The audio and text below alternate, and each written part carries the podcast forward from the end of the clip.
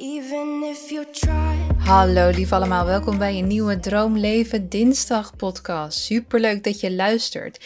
Ik wilde vandaag een soort fotodagboek zoals ik zeg maar vroeger had op mijn blog, maar dan in podcastvorm. Dus een podcastdagboek met de dingen waar ik de afgelopen tijd mee bezig ben geweest, wat er uh, nu nog steeds ook gaande is. En ik beloof ook dat er nuttige dingen voor jou ertussen zullen zitten. Dus niet alleen maar, oh, dit is wat ik doe en zo, maar ook wel tips en tricks en dingen die ik echt zou adviseren. Omdat ik het eigenlijk niet echt ergens anders meer kwijt kan. Op Instagram natuurlijk wel. Maar ik wil er soms wat meer over vertellen en eromheen uitleggen. Dus daar dient dit perfect voor. Nou, het allereerste waar ik meteen ook mee bezig ben, is dat mijn verjaardagsmaand er bijna aankomt. En dat is de maand juni. En ik heb sinds vorig jaar dat ik jarig ben geweest, een hele hoop ontdekt. Namelijk dat ik niet jarig ben op de dag dat ik dacht dat ik jarig was. Dus er is een, uh, een omrekenfout gemaakt vanuit Iran naar Nederland toe. Sowieso in Iran, mocht je dat niet weten, leven ze in een ander jaar. Dus het is op een hele andere manier, is dat ja, in elkaar gezet.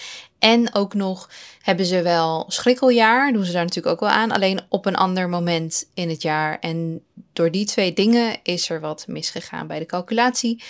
Dus dit jaar ga ik voor het eerst mijn verjaardagsmaand in, met ook de dag dat ik dus eigenlijk echt jarig ben en nooit heb gevierd. En dan de andere dag waarvan iedereen denkt dat ik jarig ben en ehm, altijd heb gevierd.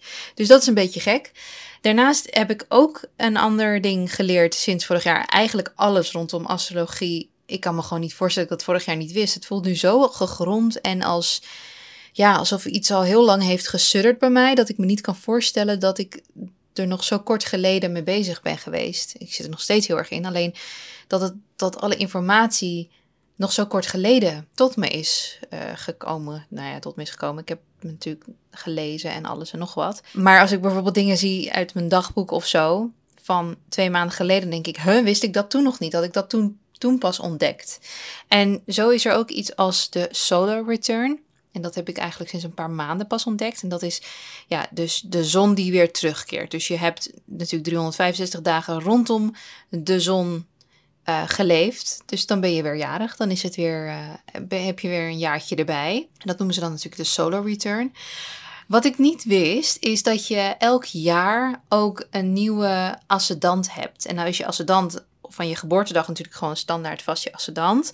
Maar dat er dus ook zoiets is als een ascendant die voor dat jaar heel erg geldt. En die is ook afhankelijk van waar je bent op de dag dat je jarig bent.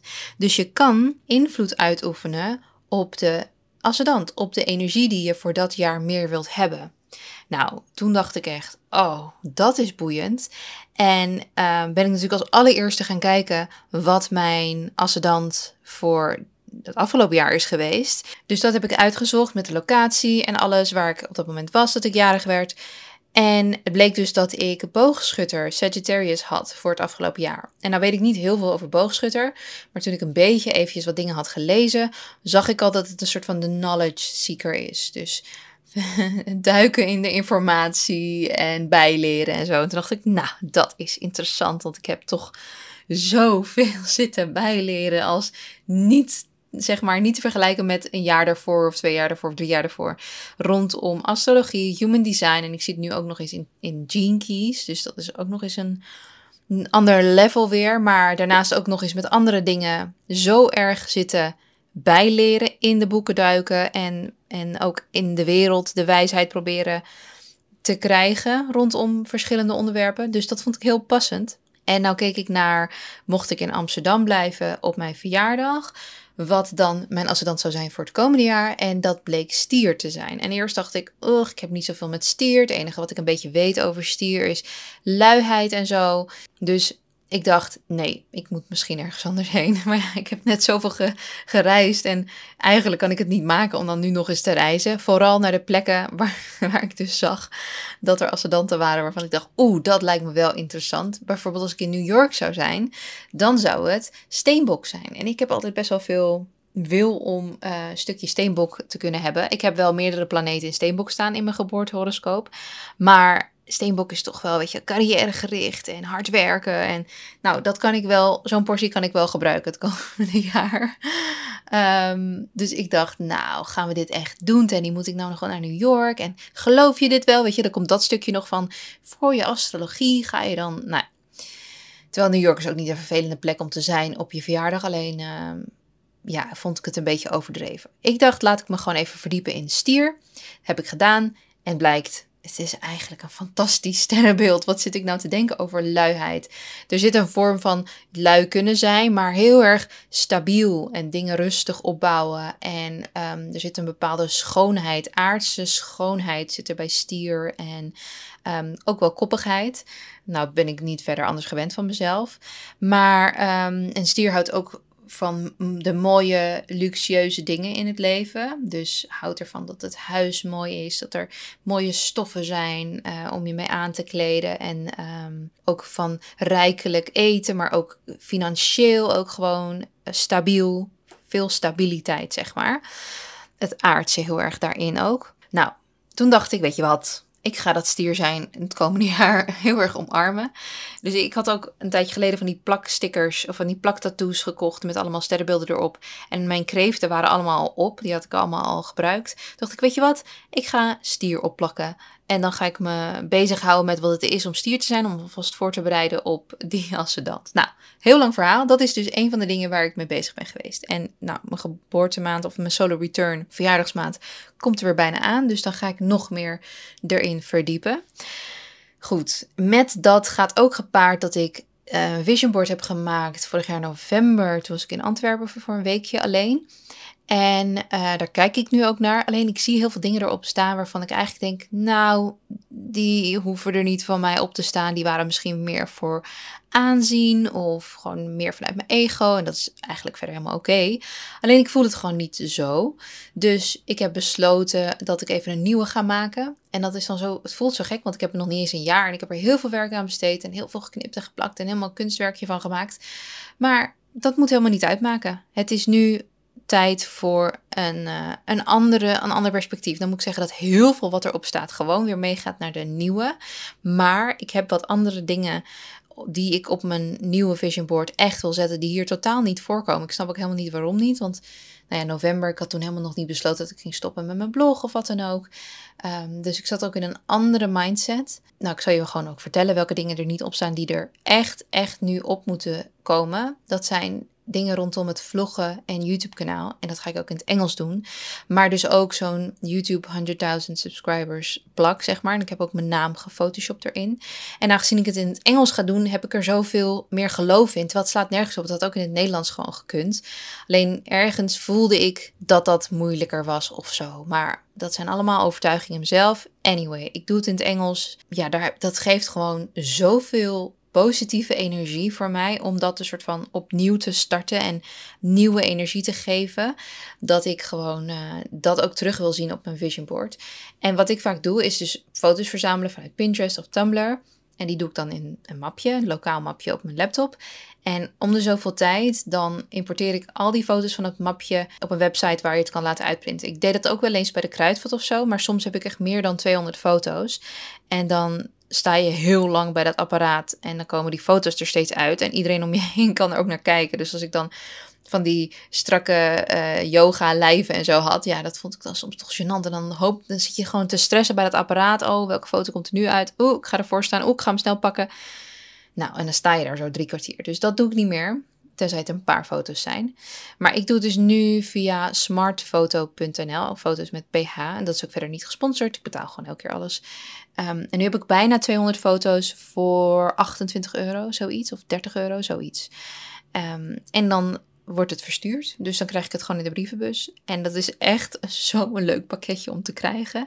Dat je dus een mapje hebt of een soort van uh, briefdingetje met 200 foto's met allemaal inspirerende dingen die jij online hebt uitgezocht. En die zijn dan nu zo in je handen. En dan kan je dan lekker de vision board mee maken. Nou, dat is echt voor mij een van de leukste dingen om me mee bezig te houden. Het volgende ding waar ik me mee bezig heb gehouden is meer naar Gaia kijken. Gaia is een streamingplatform, net zoals met Netflix, HBO, Prime, uh, Disney, etc., Videoland Alleen Gaia is echt gericht op het verbreden van je perspectief van het leven, spiritualiteit. Um, veel docu's ook rondom holistische gezondheid. Het heeft recepten, het heeft breathwork, het heeft yoga, het heeft veel Ayurveda-invloeden. Heel boeiend. Eigenlijk allemaal informatie die ik heel erg miste bij bijvoorbeeld Netflix. En dan was er eindelijk een keer een docu over voeding of over gezondheid. En nou, dan had ik hem echt meteen gekeken. En dan eigenlijk hoopte ik dan, dan bij de recommendations, zeg maar, dat er weer andere soortgelijke dingen zouden staan. En dat viel altijd best wel tegen. Dus dan kwam ik op YouTube of dan ging ik googlen en dan had je dan een docu die dan een soort van half geüpload was. En ik wist heel lang niet eens dat zoiets als Gaia bestond. Ik zag een keer een TikTokje van Dr. Joe Dispenza, een stukje van iets wat hij vertelde. En in de comments zag ik de vraag staan van waar kan ik dit kijken? En iemand had geantwoord Gaia. Toen dacht ik Gaia heb ik dat gegoogeld, heb ik een um, proefabonnement genomen en eigenlijk al na dag twee dacht ik, dit is alles wat ik wil, waar ik me mee bezig wil houden en uh, heb ik het abonnement genomen. Volgens mij is het 99 euro per jaar. Vind ik 100% waard, meer dan. En heb ik met mezelf ook afgesproken om om de dag in ieder geval iets daarvan te kijken. En nou heb ik laatst de docu-serie Transcendence ontdekt.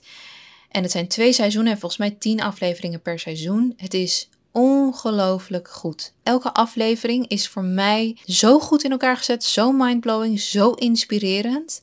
Ik kan niet eens zeggen van, oh ja, uh, kijk vooral deze en deze aflevering, want ze zijn allemaal fantastisch. En nou, degene die ik uh, laatst heb gekeken, die ik ook naar mijn moeder heb doorgestuurd, eigenlijk samen met haar ook heb gekeken. Die heet From Domestication to Transformation. En dat gaat heel erg ook over het schoolsysteem, hoe dat tot stand is gekomen, hoe het eigenlijk ons nu niet meer dient. Maar daarna de transformation part is dat deskundige experts die komen vertellen wat we eigenlijk zouden moeten leren op school. En dat is zo mooi gebracht, zo inspirerend, waardoor je echt denkt: oh, echt, dit is zo belangrijk. Ik hoop dat meer mensen dit kijken en dat er een soort van nieuwe hoop komt ook voor de toekomst in dat opzicht. Dus dat is ook echt een hele fijne aflevering. En bij Gaia is het ook zo, dat kwam ik laatst achter, vond ik heel boeiend, is je kan dus een link delen met je vrienden of wat dan ook, of ik dan nu op Instagram, wat ik zojuist heb gedaan. En die link is dan de 72 uur nadat die link is gedeeld, gratis is die aflevering dan te bekijken door wie dan ook naar wie je die link stuurt. Wat ik echt een hele fijne feature vind van Gaia. Dat betekent dus eigenlijk dat je mensen kan inspireren met die dingen. Maar ja, natuurlijk, zij kunnen daardoor weer nieuwe abonnees treffen. Maar ja, aan de andere kant, je kan zo wel mooie dingen verspreiden. En uh, mensen bekend laten maken met wat je allemaal kan vinden op Gaia. Dus ik zal de komende tijd ook mijn favorieten delen. Ik heb vandaag al een favoriet gedeeld. Dan het volgende. Ik ben er bijna doorheen. Ik heb er nog twee. De volgende is de boot. De boot die staat, als het goed is, eind juni klaar om naar Nederland te komen. Ik kan het niet geloven. Er moet nog zoveel gebeuren, maar um, het lijkt alsof het universum. Nee, het lijkt niet eens. Het is gewoon zo is zo aan het meewerken met alles. Er zijn zoveel dingen die per ongeluk, tussen aanhalingstekens, gebeuren. Die alleen maar bewijzen dat dit gewoon de goede volgende stap is in ons leven. Dingen als uh, hoe de financiering eigenlijk rond is gekomen. Wat eigenlijk best wel gek en magisch en ja, heel bijzonder is gegaan. Kan ik niet alle ins en outs over vertellen, maar wel over andere dingen. Bijvoorbeeld, de boot zou eigenlijk rond september pas komen. Wat heel grappig is, want uh, hij is per ongeluk is hij in een Excel-sheet van de makers is hij geswitcht met een andere. En is ons ineens twee slots naar boven gegaan. Dus is hij veel sneller klaar. Terwijl die dus eigenlijk veel trager en pas in september zou komen. Daar gingen wij een beetje van uit. Dus dat is een mega voordeel. Tegelijkertijd legt het natuurlijk ook op druk op ons om alles te regelen en alles, alle kosten die in één keer erbij komen. Die geven natuurlijk wel een beetje spanning, maar het komt allemaal wel goed. Oh ja, alles wat we eigenlijk willen aanschaffen voor de boot lijkt korting op te zitten. Het is elke keer, oh ja, we moeten gordijnen doen. Oh, korting. Oh, we moeten apparatuur voor dit en dit. Oh, korting. Het is gewoon dat lijkt ook al een beetje een soort van voorteken van, oh, dat lijkt lekker soepel te gaan. De slaapbank die we wilden, die was ineens 900 euro afgeprijsd. Nou, sorry, maar dat was, dat was ook echt, het was ook mijn favoriete bank. Ik wilde geen enkele andere bank. Elke keer als ik op zoek ging naar een andere bank, dan, als ik dan weer die ene foto zag van die ene, dacht ik, oh nee, ik, wil, ik wilde echt deze. En die was 900 euro afgeprijsd. Nou, 900 euro, moet je voor. Dat is echt een flink bedrag. Eh, het is een prachtige slaapbank, dus daar ben ik heel blij mee. En toen wij daarheen gingen om de, te meten en zo, waar de muren moesten komen, toen zei de eigenaar, die zei ook van, ehm, elke boot die wordt gemaakt en afgeleverd hier, zodat zij de rest gaan doen, daar zitten wel wat krassen en dingen en zo aan. Maar dit is de eerste en de enige boot die ik ooit heb gezien waar helemaal niks qua krassen of wat dan ook op is gekomen. Toen dacht ik ook, nou, dit gaat allemaal wel de goede kant op. Dus nou, eind juni is hij dus klaar om vervoerd te worden. Nou, dus dan is nog de vraag: wanneer komt hij dan naar Nederland en hoe komt hij met de vrachtwagen? Of komt hij um, over zee? Maar dat duurt wel twee weken als hij over zee komt. Ja, met de vrachtwagen zou kunnen, maar dat is wel uh, een flinke, flinke. Qua bedragen is het ongeveer hetzelfde. Alleen het is nogal spannend als je hem eh, op de vrachtwagen moet hebben en dan weer er vanaf. En nou, ik weet allemaal niet. Het is gewoon spannend. We moeten even kijken wat we gaan doen. Dus ik ga er een beetje van uit dat juli de maand wordt dat we er ook echt een keertje op gaan slapen en er echt op, op gaan zitten en het ook gaan verhuren aan uh, events en zo. We verhuren het niet als overnachtingen in eerste instantie, maar het kan altijd nog veranderen. Het laatste wat ik met jullie wil delen is de term of de theorie, de pivot theory. En dat is eigenlijk iets wat, wat ik via TikTok heb ontdekt. Het is niet een officiële naam of zo voor, voor dit. Maar het is een soort van trend geworden op dit moment. En waar het op neerkomt. Pivot betekent eigenlijk een soort van bijstellen, bijsturen, draaien, um, omkeer maken, zoiets. Iets in die trant. En wat er dan via TikTok zo bekend en trending is geworden, is dat mensen het hebben over dat je in je leven gewoon elke keer kan pivoten. Oftewel, je bent elk moment van de dag ben je één keuze verwijderd van een compleet ander leven. En dat betekent dus dat je heel veel kracht hebt in elk moment. Misschien besef je dat niet, misschien denk je dat je vastzit, misschien denk je dat je gedoemd bent of dat, dat je niet uit een bepaalde situatie kan komen. Maar dat eigenlijk alles compleet kan veranderen als je dat zou willen of durven. En uh, het is dan interessant om te zien wat voor verhalen dan de mensen op TikTok hebben. Bijvoorbeeld die een die zegt: ik eh, besloot eh, te verhuizen naar New York. En toen besloot ik ineens een dansopleiding te doen. En toen besloot ik ineens toch yoga uh, teacher training te doen. En toen besloot ik toch maar weer naar om Barcelona te verhuizen. En toen besloot ik om um, een relatie aan te gaan. Ik weet niet, maar gewoon dat je constant de keuze hebt om je leven compleet te veranderen. En dat hoeft natuurlijk niet helemaal zo extreem te zijn. Maar de keuze om een bepaalde studie te volgen, of de keuze om ergens naartoe op reis te gaan, of de keuze om ineens je baan op te zeggen. Er zijn zoveel keuzes die je kan maken om je leven compleet te veranderen. En dan denk je, ja, waarom zou ik mijn baan opzeggen? Want ik heb mijn salaris en mijn geld nodig en zo.